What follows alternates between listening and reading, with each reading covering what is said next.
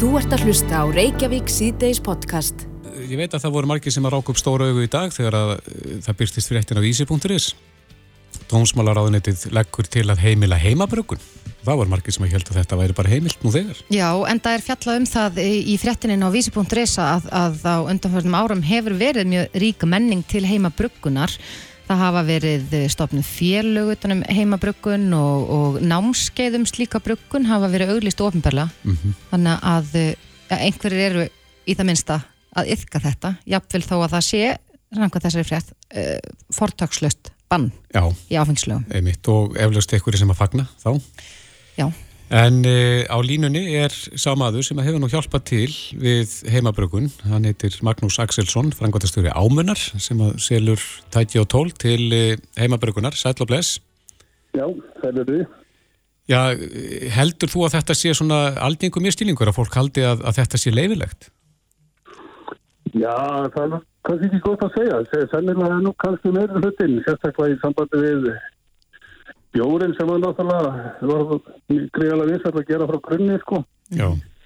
En það vita það náttúrulega flestir að það, það, hann verður alltaf 5% sko. En það er náttúrulega stanglega banna, samkvæmt þessum áfengislöfum sem er náttúrulega orðin bara úreld og gömul að búa til sterkar áfengið 2,25%. Mm -hmm. Liggja mörtið þar, 2,25%. Já. Þetta er hann að mála þetta hefur verið látið svona átölu löfti gegnum árin og skapast svona áratöða hefð má segja að heimila þetta til svona heimili sem notaði þó karla er sko, eins og bara liftir ástæður í heiminum áðast. Já. En eins og við segjum að þá eru einhverju sem að hafa verið að, að brugga uh, jafnvel þrátt fyrir þetta bann um, hver er svona, hvert er þitt mat á því? Heldur þau að, að bruggun muni að fleiri muni fara að brugga þegar þetta verður gert leifilegt samkvæmt lögum eða, eða eru bara þeir að brugga nú þegar sem að vilja það? Nei, ég held að það aukist ekkert sko, allavega ekki að ráði það breytir í einhvern nema því að þetta var það bara löglegt að gera þetta til ég nota sko mm -hmm. en, en þið eru nú með ansi, já mikið af græjum til þess að geta bruggað. Er, er mikil ásokn í slikt? Það er náttúrulega bara verið svona jæmt og þetta í gegnum árin alltaf einhverju sem að hafa á að gera sitt hvað sem það er bjórið af vín mm. léttin og til að mynda er fólk að gera náttúrulega úr alls konar ráefni til dæmis á höstin úr berjum, rababara og fleira.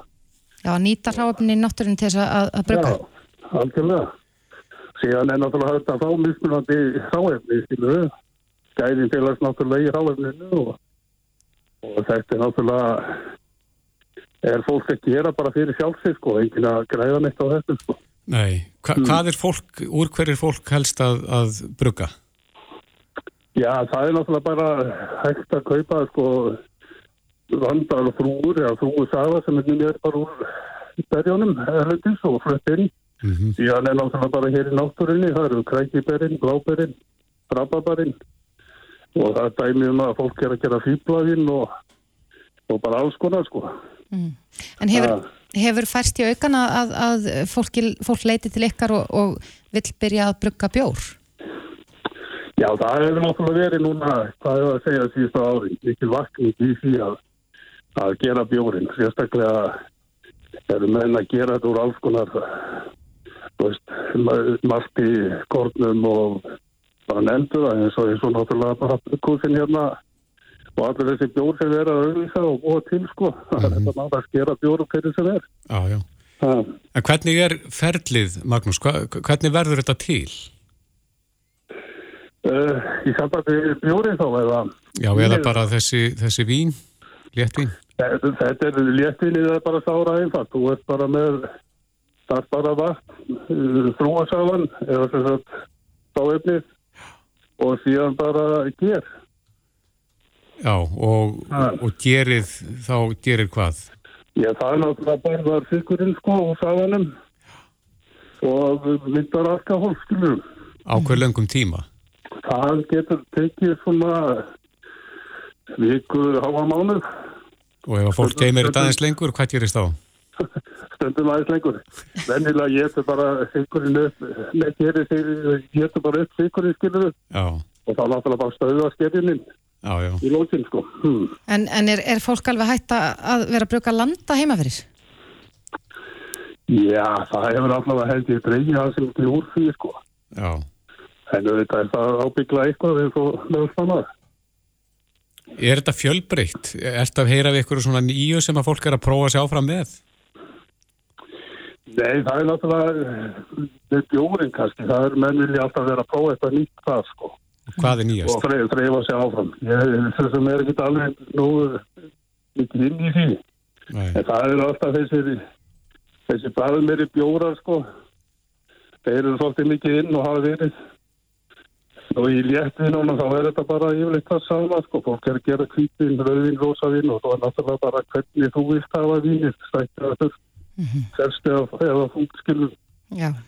En, en, en hvert er, er svona þitt mat á, á uh, já, þessum tillögum dómsmálaráðanættisins um, að- um að leifa heimabrukun? Ertu ánaður með þetta? Já, það er bara sjálfsagt mála heimila að búa til sitt eigi vín upp að 15% sko, eða bjóð og hafa hann þá innan þeirra markaskiluru fyrir sjálfsig og, og, og sína sko, það er nú bara fyrst er hann sjálfsagt en það er alls þar annars það lif. Mm Það er allt annað mál þegar fólk er farið að framleiða en það þarf að tilskilja leiði til þess -hmm. og að selja.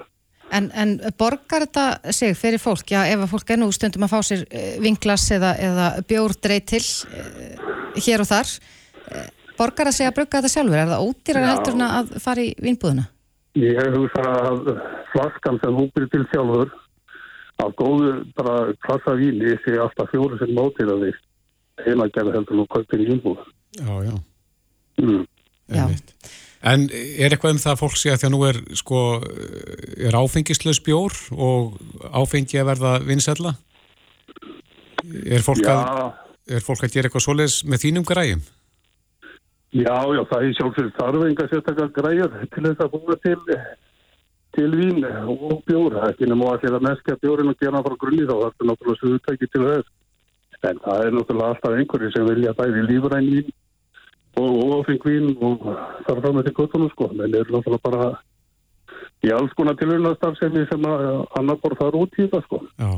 En aðeins að því að ég hef nú ekki kynnt mér það sem að þú ert að selja í ámunni. Hva, hvaða græjur er það sem þarf að kaupa til þess að koma sér að stað?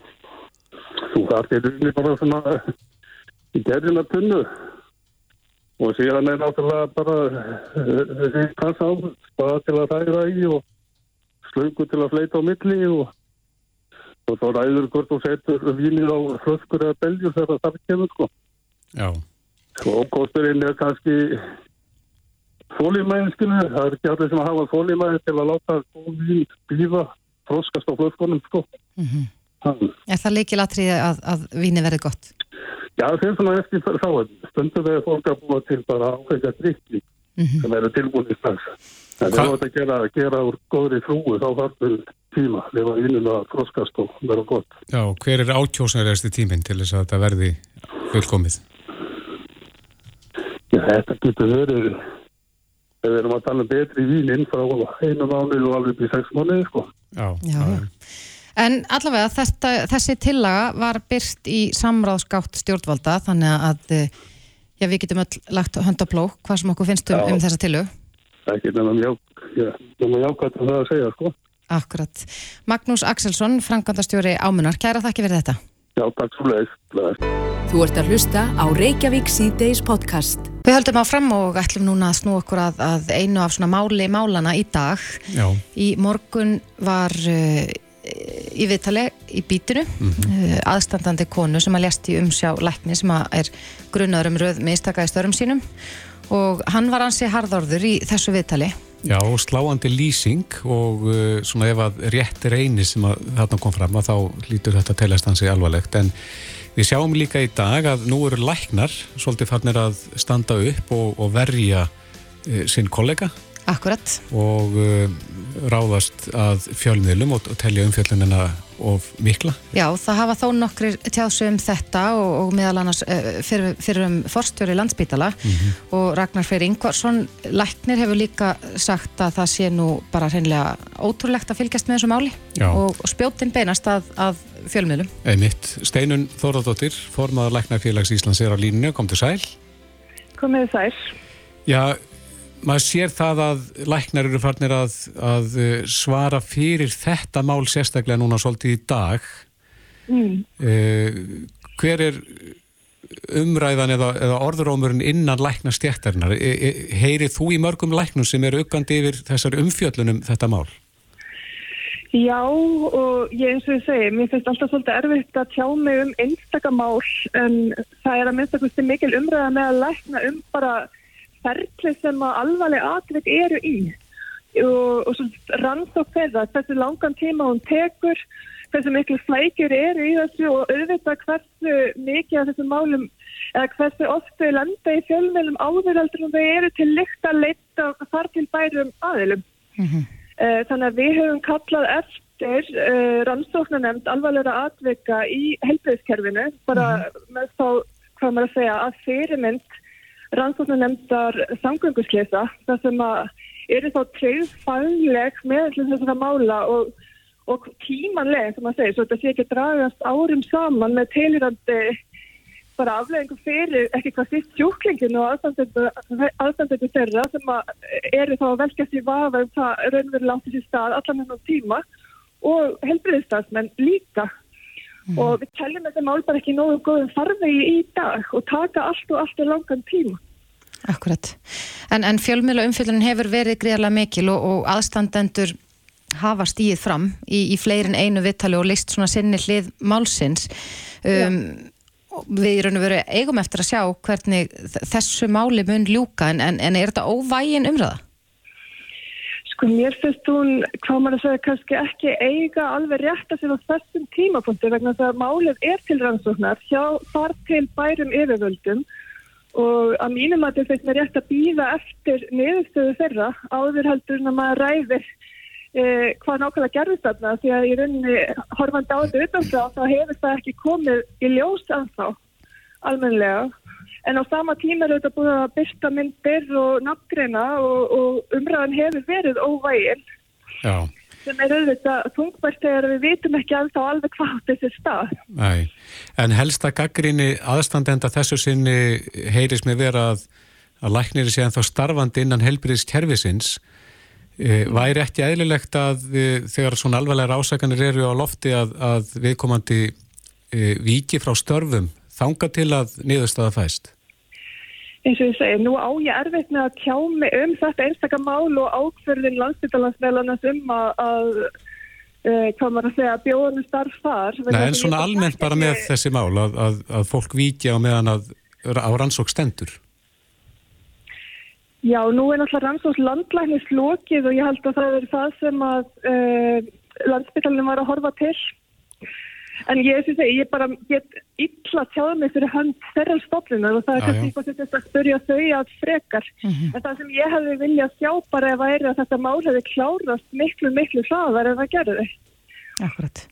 En, en þetta er líka hluti, eh, já einhver leiti hluti af starra samtali sem hefur verið ansi hávart á undanförnu og, og það er, er já, hlutir eins og ábyrð uh, helbriðstarfsfólks þegar alvarlega atvik koma upp.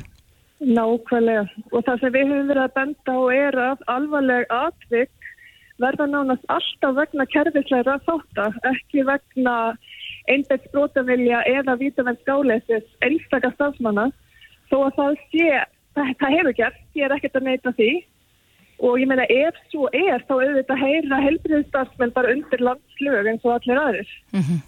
en, en, en almennt er þetta kerfislegt og við hefum líka verið að tala fyrir refsi ábyrð á vinnustadi sem að búa starfsfólki ekki starfsumhverfi sem er örugt til að veita öruga þjónustu mm -hmm. og, og er þá að valda þessum kerfislægu aðveikum Akkurat, en, en Steinu, nú hefur líka já, við, hafa viðbröð almennings verið ansi hörð út af þessu tiltekna máli og, mm. og, og það er nú kannski helst eh, út af fjölmjöla umföllun þar sem að já, hún, hún hefur verið ansi eh, hispurslaus.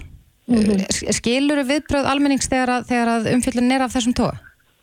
Já, og mér finnst hérna ábyrgt fjölmjöla gríðarlega mikil í svona málum vegna þess að eh, heilbriðstafsmenn í þessu stöðu bara eðlumál sem samkvæmt geta ekki borið hand fyrir höfu sér. Við erum bundin fagnarskildu, við getum ekki komið okkar hlið og svona meira við umfjöldunina og það er svona það sem hefur verið rætt í fjölmjölum þá skiljaðu þetta almenningur bregðist harkalega við.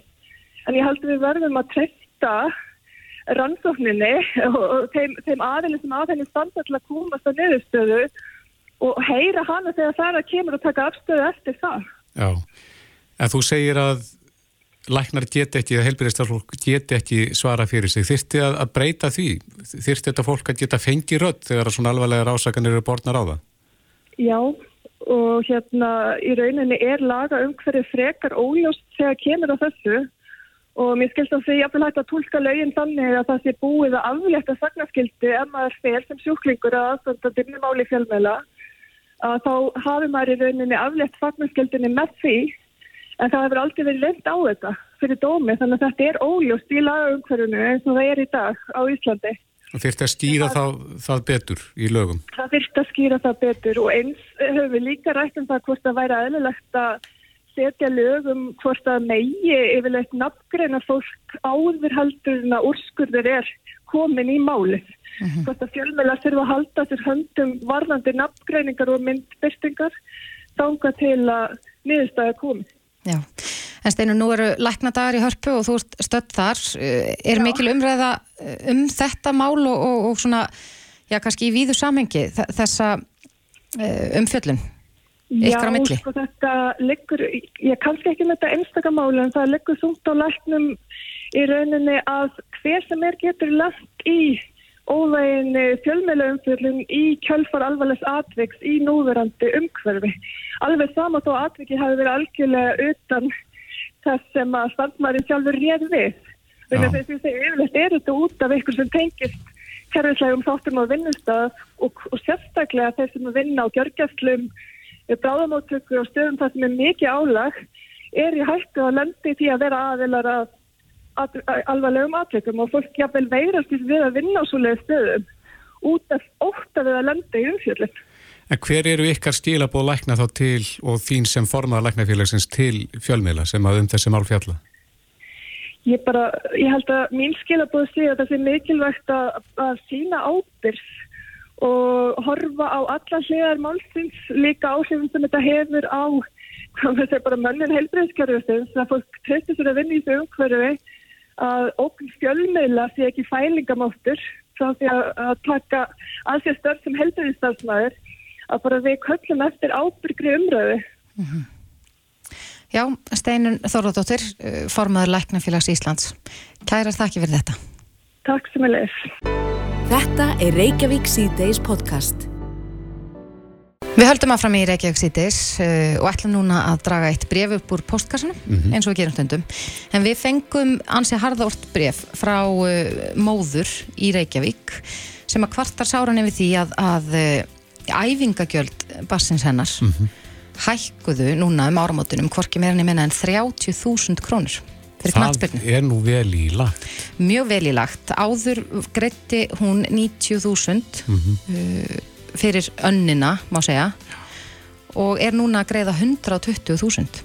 Já, við heyrim að þetta á við um fleiri íþróttafélug í við, Reykjavík. Akkurat, við fórum aðeins á stúfana í dag og, og uh, sjáum það að verðhækkanir, hækkanir á þessum æfingagjöldum hafa verið ansið ríflegar núna mhm. um, um áramótin og það er nú kannski ekki eins og ég með segja að það sé kannski ekki tilviljuna að uh, núnum áramótin þá hækkaði frístundastyrkurinn frá Reykjavíkuborg um 25.000 krónur og þegar að þetta var samþygt uh, hér á síðasta ári mm -hmm. að mhm. frístundastyrkurinn erði hækkaður að þá voru nú einhverju sem að vöruð við því að uh, æfinga, þess að íþróttafélugin myndu þá hækka gjöldin sín til samræmis við þetta. Já og það hefur enda verið í fréttum að Íþjórnstafélagin hafa verið illa stödd og komið svona illa undan COVID. Akkurat. En eh, eins og ég segi, þetta er velilagt að, að hækka um þessa krónutölu. Akkurat. Á línunni er Briti Karlsson, formaður neytendasamtakana, kom til sæl. Góðan daginn. Já þetta er svo sannarlega neytendamál og uh, var nú ímislegt að hækka núna um áramótin en, en tekur þú undir það að þetta sé velilagt? Þetta eru náttúrulega yfirgengilegar hækkanir og alveg úr takti við allt, allar hækkanir sem ég hef heyrt um allavega hinga til. Mm -hmm. Og ég held að, að foreldrar eigi heimtingu á að Íþróttafélagin skýri út í hverju þessar hækkanir felast. Akkurat. Það var uh, áhugavert hér í fyrra eins og ég myndst á áðana að, að þegar að þessi frístundastyrkur frá borginni var hækkaður og það var auðvitað markmiðið það að uh, auka þáttöku barna í frístundum í borginni en, en þetta getur jafnvel orðið til þess að, að fleiri, neða færri fyrir ekki, hafi kost á því að æfa íþróttir þegar að, að gjöldin hækka með, með þessum hætti? Já, og það er bara algjörlega miður og algjörlega í andstöðu við það sem lagt var upp með. Ef að, ef að uh, hækkanar á frístundastyrk leiði bara til hækkana á, á æfingagjöldum. Mm -hmm. en, en ég held að fyrst og fremst að, að það verði að leita skýringa hjá íþróttarhefingunni í hverju þessar hækkanir felist því að þetta eru hækkanir sem við sjáum hverki og eru algjörlega úr takti við það sem, það er þó miklu hækkanir sem við erum að verða fyrir um, um þessar myndir. Uh, ég, ég sé ekki að, að, að launa göld hafi hækkað um, um 30% eða, eða annar kostnæri. En þetta er eitthvað sem íþróttarhefingin verður bara að skýra. Já, okkur sínir svona í fljótu bræði að, að þessi hækkun uh, sé svona á pari við hækkun uh, frístendastyrksins frá borginni. Mm. Heldur það að sé beintengi hver á milli? Það hlýtur að leiðast sá grunur aðmanni að þetta sé beintenging og, og, og, og það sé bara ætlunin að, að, að klófesta þá allan þann styrk sem, sem uh, foreldrum er veittur eða börnum er veittur. Já, en svona almennt með hækkanir, það er að dinja á okkur hækkanir hér og þar. Uh, haldið þið eitthvað yfirleitt yfir, yfir þessar hækkanir og hvað er þetta að lenda harðast á neytendum? Við erum, jú, jú, við fylgjum svo sem með þessum hækkunum og, og, og uh, þannig að ansi erfitt að, að, að spórna við ímsum þeim hækkunum sem við erum að verða fyrir.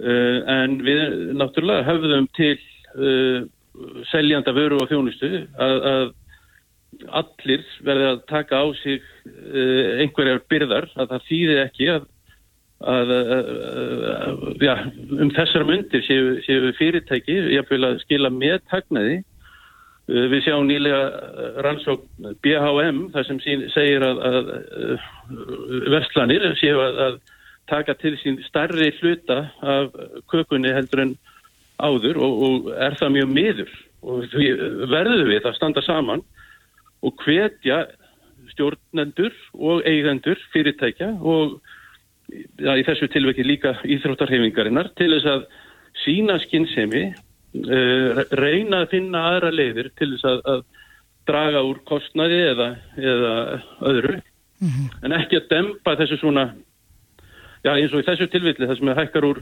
90.000 í 120.000 þetta er, er þriðjungshækkun Já Eru, e, þið hafið ekki séð önnur dæmi um, um sko, viðlíka hækkanir? Við hefum ekki, þetta er, þetta er, já, þetta er einstæmi ég hef ekki séð, við líka hækkanir áður. En, en, en þessar hækkanir, ef við horfum á þetta í svona já, víðara samhengi, er, er, lendir þetta illa á heimilum landsins? Hvort sem við erum að ræða matveruverð eða, eða íþrótta, þessar æfingagjöld eða hvað annað? Jú, sjálfsögðu allar hækkanir lenda harkalega á, á neytendum uh, en, en þegar er svona, þetta er náttúrulega hérna, svona sírosum eh, hérna í, í þessu ef að, að, að, hérna hækkanir á íþróttastyrk fara bara beint til íþróttareyfingarinnar þá, þá er það svo sem ekkit, hérna kemur ekkit sannilega við byttu uh, neytenda. En að öðru leiti því en að einhver staðar kemur þessu peningu frá, hann, hann er náttúrulega kemur inn með hérna, útsvarstekjum sveitarfélagana sem er svona dreift á, á, á þennan hátt. Já, helsta vopn neytend er að sniðganga vörur sem að hækka en það getur verið erfitt í, í þessum tilhöllum að kippa börnunum sínum úr þessari yðkun. Það er, já, já, og það er ekki eitthvað sem við, við hérna hvetjum til en við bara hvetjum foreldra og, og, og, og krefjumst þess að Íþróttafélagin skýri þessar miklu hækkanir. Mm -hmm. Já, það verður forðanilegt að fylgjast með því hvort að eh, einhver skýring fáist á þessum miklu hækkunum. En Breki Karlsson, formaður neytanda samtakana, kæra þakki fyrir þetta. Bestu þakkir. Við fylgjum þér heim, Reykjavík C-Days á... Þetta er Reykjavík C-Days podcast. Jæja, áfram örkum við hér í Reykjavík C-Days og uh, ætlum að uh, fjalla um uh, orkumál. Já. Já, það byrtist eh, grein inni á vísir.is sem að fjallar einmitt um orkumálinn og sá sem að skrifa þessa grein er komið til okkar, Ejólfur Ármann, Ármannsson, þingmaður Flokks Fólksins og það sem meira er, hann er formaður orkunar okkar sem að var nú ansi háar hérna þegar að umræðunum orkapakka 3 uh, var í gangi. En þú velkomin, Ejólfur. Já, takk fyrir. Já, þú segir hér í, í hérna greininni eða titilgreinarinnar er vörusvik og síndamennska í bóði stjórnvalda þegar kemur orkumálum. Mm. Já, Stýrðu það eins við okkur? já, það er klár vörusvik að nú að fara að selja íslendingum raforku, íslenskum heimilum raforku sem er framlutu kjarnorku og kólum. Já, Og ég veit ekki til þess að það sé nein einasta, en ekki það raforku sem er framleitt úr kjarnorku á Íslandi eða úr kólum. Öll raforku á Íslandi kemur, eins og kemur fram í greininni að árið 2020 þá var 69% af raforku framleitt úr vassorku og 31% úr jarðhita. Þannig að það er engin framleiðsla á rafmagni úr kjarnorku á Íslandi eða kólum. Nei, það hefur nú svolítið verið talað um þetta. Er, er þetta þessi syndaflust sem er verið að selja, Já. þessi kóti sem Já, er verið að selja já. úr landi? Já, þannig að við erum, að, við erum einfallega að hjálpa Evrópusambandinu að menga með því, það eru fyrirtækjut í Evrópu sem er að skreita sig með íslenskið rávorku í framherslu vörum sínum og við setjum upp með svarta pétur. Að vera að menga ásýnd Íslands með þessu. Og fyrir utan þetta er klár vörusvik að því að rafmagn sem ég kaupi og þið kaupið öll það er rávorka sem er framlutu vassorku og jarðhitta og þetta skiptir mjög miklu máli í öllu sem varðar á vörum, uppbrunni vörunar hvort þessi standi made in Germany eða made in China eða hvað sem er framleitt í Kína eða Þísklandi þessi rafvarka sem við notum hérna í Íslandi er framleitt á Íslandi. Svo einfalt er það. Og hún er búin til úr rafvarku, nei vassorku og jarðhitta og svo alltaf söluaðalinn að fara að láta okkur vita það að þessi, að við sem að kaupa ódýra rafvarku af þeim sem er framleitt úr kjarnorku og kólum við getum hins að borga herra verð ef við ætlum að fá íslensku rafvarkuna Þetta er svo mikið síndameska og svörusvig, það er algjörlega með ólíkindum að það skulle vera bjóða íslenskum almenningi upp á þetta íslenskum heimilum. Hverjum stendur til bóða að, að kaupa herra verði með Og það, mér réttast skilst það, núna er landsfyrskjun búin að segja það söl við sölaðalina, ef að þeir, smásalina, ef að þeir að fá með upp, íslenskum uppruna vottorði, rafvorkan sem að þeir ætla, getur bóðið neytendum, að þá verði hún að herra verði, 15% herra verði, að þá eru þeir að kaupa græn orku. Annars er hún skráð sem rafvorka framleitt úr kjarnorku og kólum. Og þetta eru vöru svikin. Ég veit, hjarta mín, að veit allir Íslendingar að öll rafverk á Íslandi er, rafvorku á Íslandi er framleitt úr vassorku, vassföllunum og úr jarðhitta. En samt verður að bjóða okkur upp á það, verður að bjóða okkur upp á það nú frá áramótum, að þessi rafvorka sé ekki framleitt með þeim hætti eins og allir, öll þjóðin veit. Og þá fara að krefja okkur um meiri pening, meiri herraverð, 15% herraverð fyrir það að hún sé framleitt á Íslandi.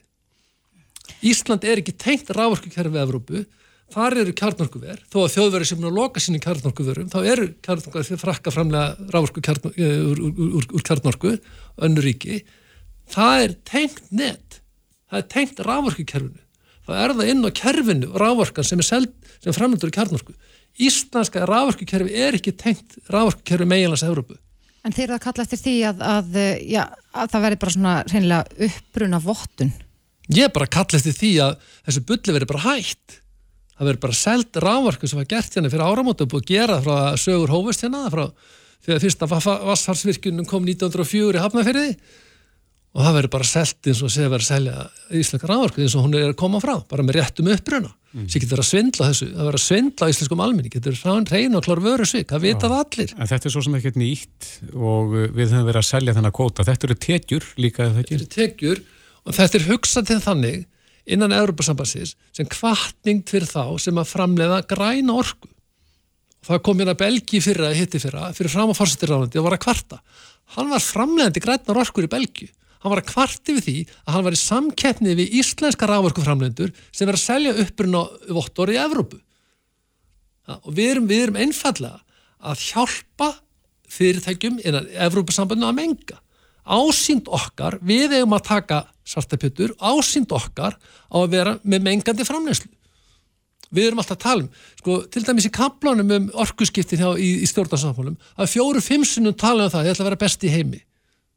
við verum ekki best í heimi það ef við erum að skrá á okkur alla, öll rávarka til heimila að verði framlut úr, kólum það er bara ekki þannig.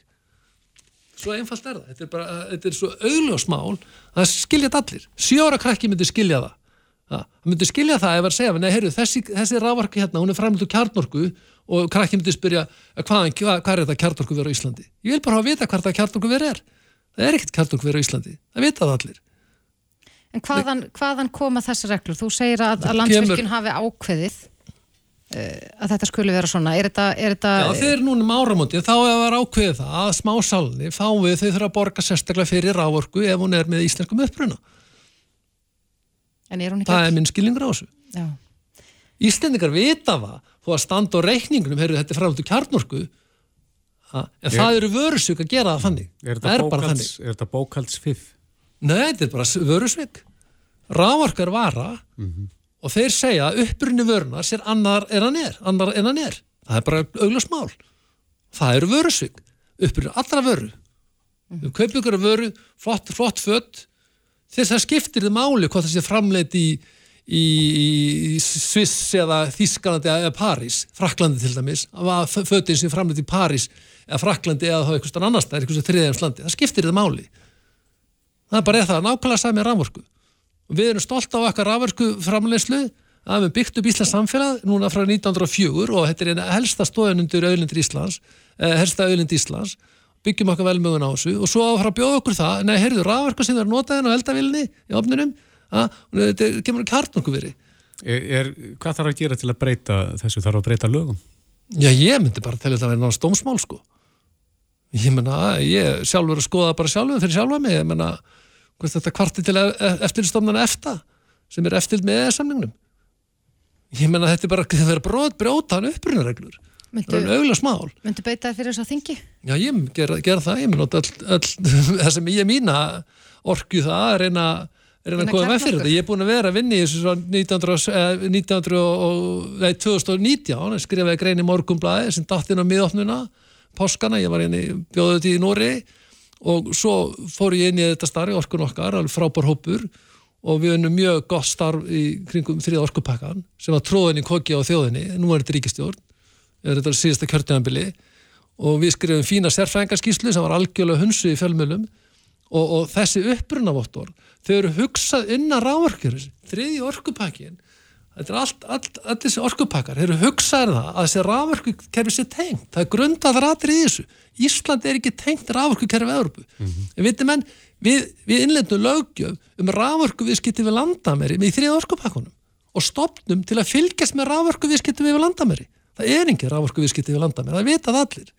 Þú segist þér að íhuga að kvarta til eftirlistofnuna. Er, er það þú persónlega? Ég myndi gera bara persónlega, ég hef ekki, ekki talað við mig, þetta er bara sem ég hef búin að vera að hugsa sko, Já. að pæli. Og ég náttúrulega formar þessar samtaka, orkun okkar, sem er mjög stoltur á að vera þáttangandi í því starfi, sem grassóta hreyfing mm -hmm. og, og, og, og ég tel að svo bara þessi enga við lokið það kemur orkupakki fjögur. Það er alltaf verið að uppfæra, uppfæra orkusambandið og þetta var ekki sami um þetta síðan tíma þegar EE-samningur var, var, var hérna undirritaður og þegar hann gekk í gildi 1900, 1994. Þetta kemur 2009 með Lissabonsáttmálunum.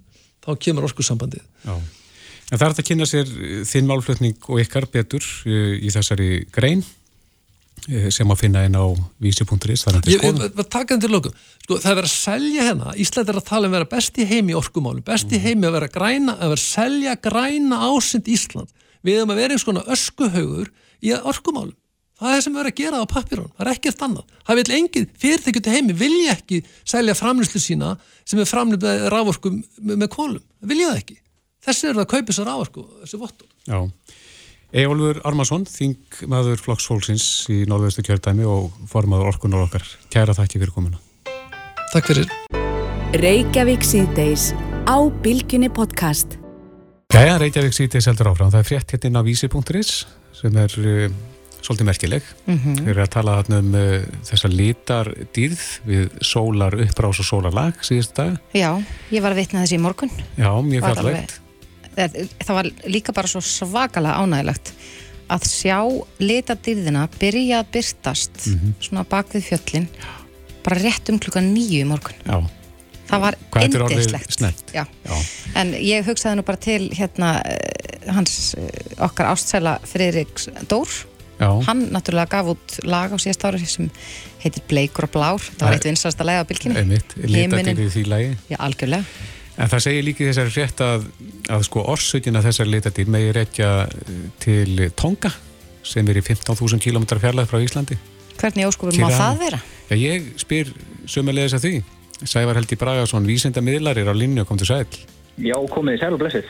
Já, hvernig má það vera að við sem að upplifa eitthvað litadýr hér frá eldgósi í 15.000 km fjarlæð? Fyrir árið síðan líka Já, fyrir árið Já. síðan? Já. Fyrir árið síðan, akkurat, það gósið var hvað, 15. janúar í fyrra Mhm. og vakti heldur betur miklu aðtegli en það reyndist að vera upplöðast að kröftugasta eldgóð sem að nútíma mælfæði hafa mælt og hefði upplöðast síðan árið 1991 þegar Pínu Túb og Fjall Filipsheim stakk í tællur en það sem gerist í þessu er að gósmökkurinn eða strókurinn við sprenginguna hann fór upp í næstu í 60 km hæð og reyndar herra, það er merkjum að hann hefur komist allavega út í geiminn, hann har vatn frá jörðinni skust út í geiminn við þennan þetta kraftmjölu gós en það var talsveit mikið magna vatni sem festist í heiðkólfun okkar og jók magn vaskuðu þar um kannski svona 10-15% eða svo og svo sjá bara hálóttavendur um það að dreifa þessum gósefnum út um alla jörðu og núna árið síðar e- eru þeir farnir að e, já, er það farið að lýsa upp eða svona hafa áhrif á heiminin okkar á sinn tons Já, er þetta mengun?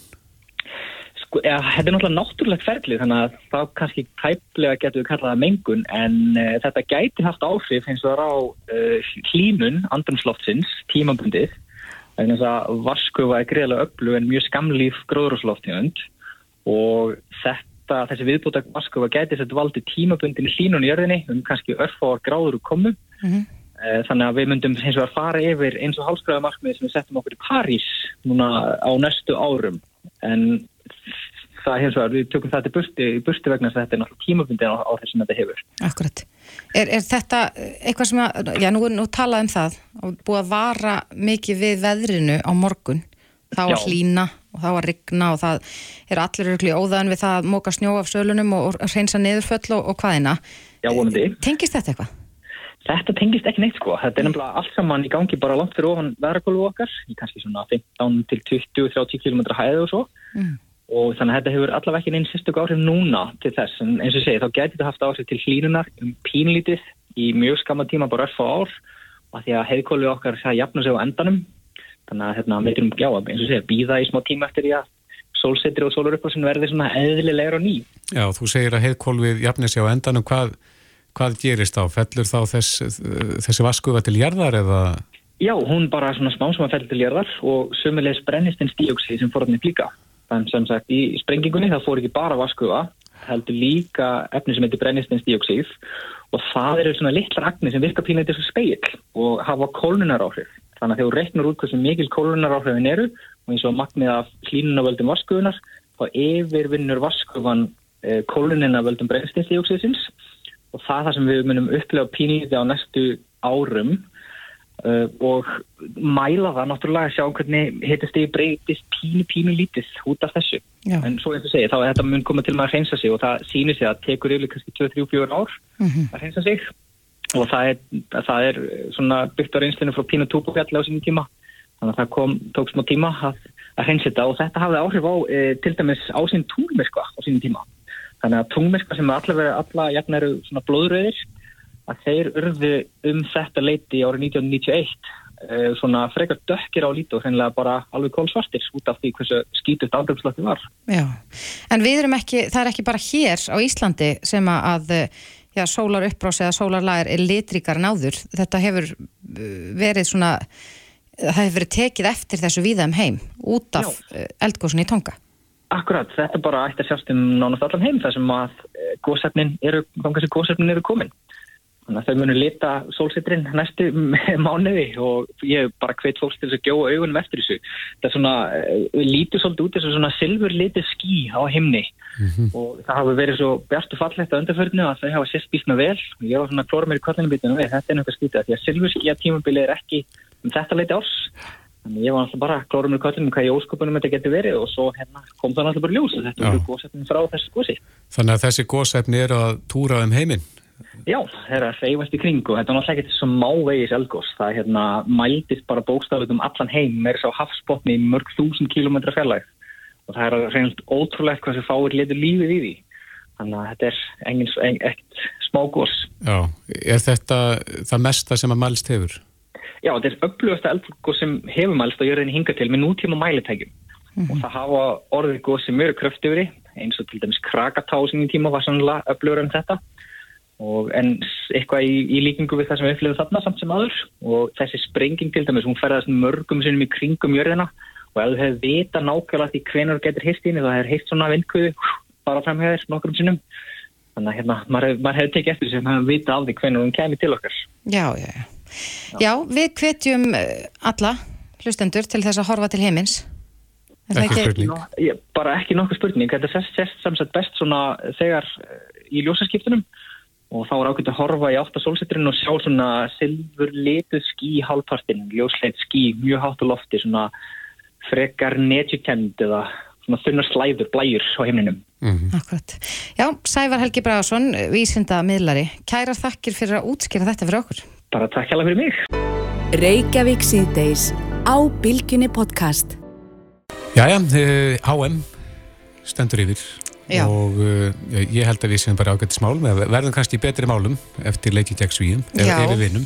Ég er orðin pínu stressuð. Já. Ég verð bara að segja það. Vegna þess að ég las fyrirsögn, ég las ekki frétt heldur fyrirsögn á vísi í dag um að við bara verðum að vinna svíja.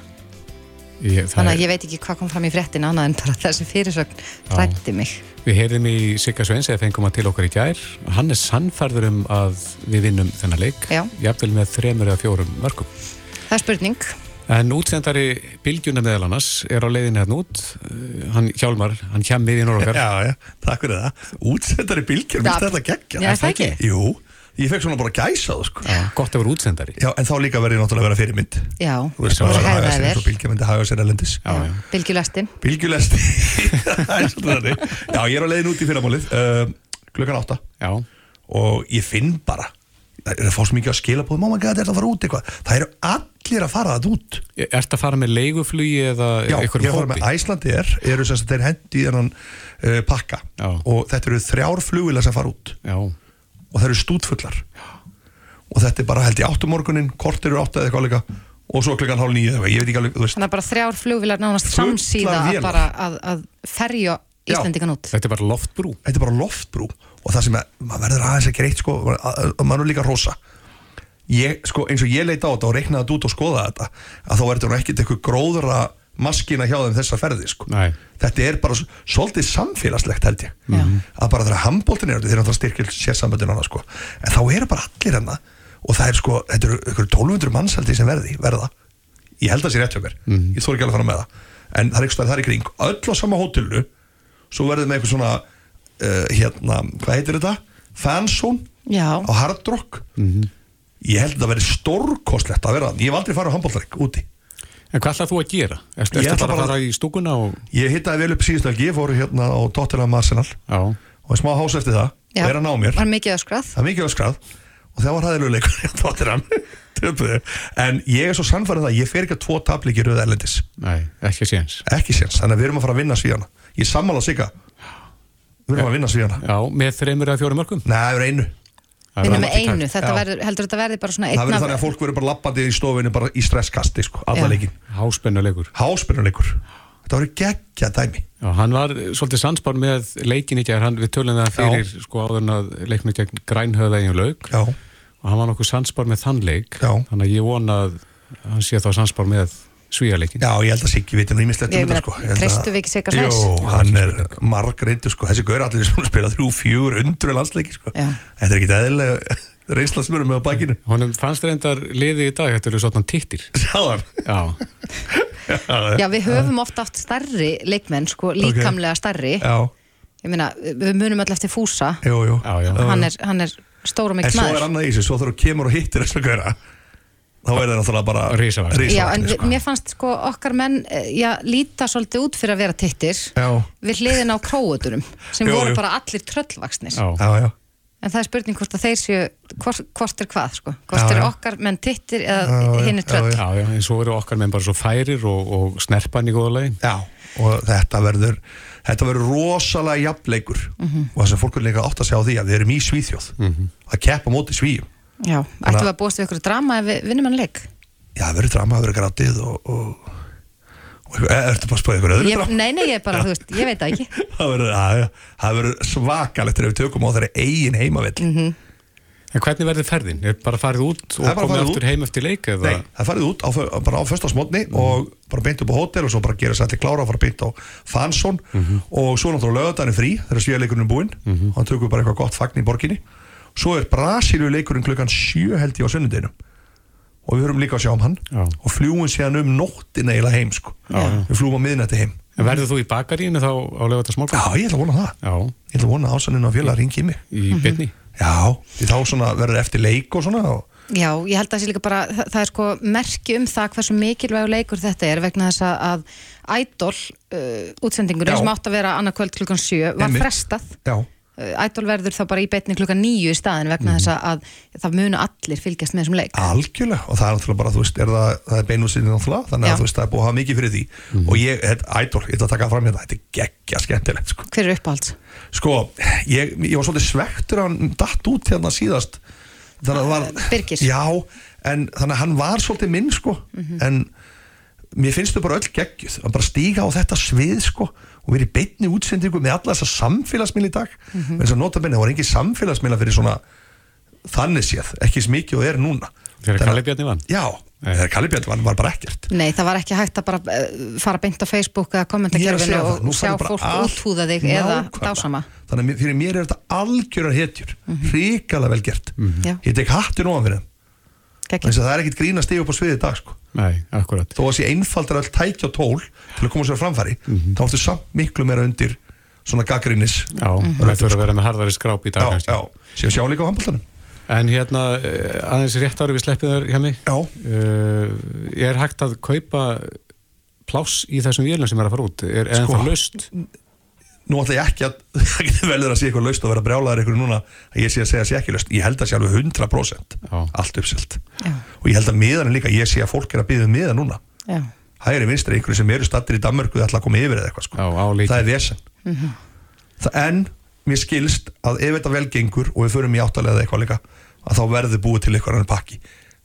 Allan finnst mér það líklegt. Að Ég, ég allavega held að verða ekki dreigið úr flugferðum til það bara veist, það er, allt, það er svo mikið ásókn í þetta sko. Já. Þannig að ég bara skilða vel. Já, þetta verður geggjað. Við auðvitað fylgjumst spennt með uh, leiknum já, og fylgjumst spennt með þér líka. Jú, jú. Þú myndur Já, vera eitthvað að sprella á samfélagsmiðlum og Hjálmar Örn 110 á Instagram.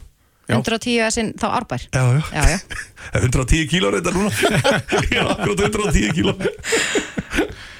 Herðu Hjálmar Örn, eh, kæra þakki fyrir komuna. Góða ferð út og við segjum bara áfram Ísland. Já, sem er les Hlustaðu hvena sem er á Reykjavík C-Days podcast.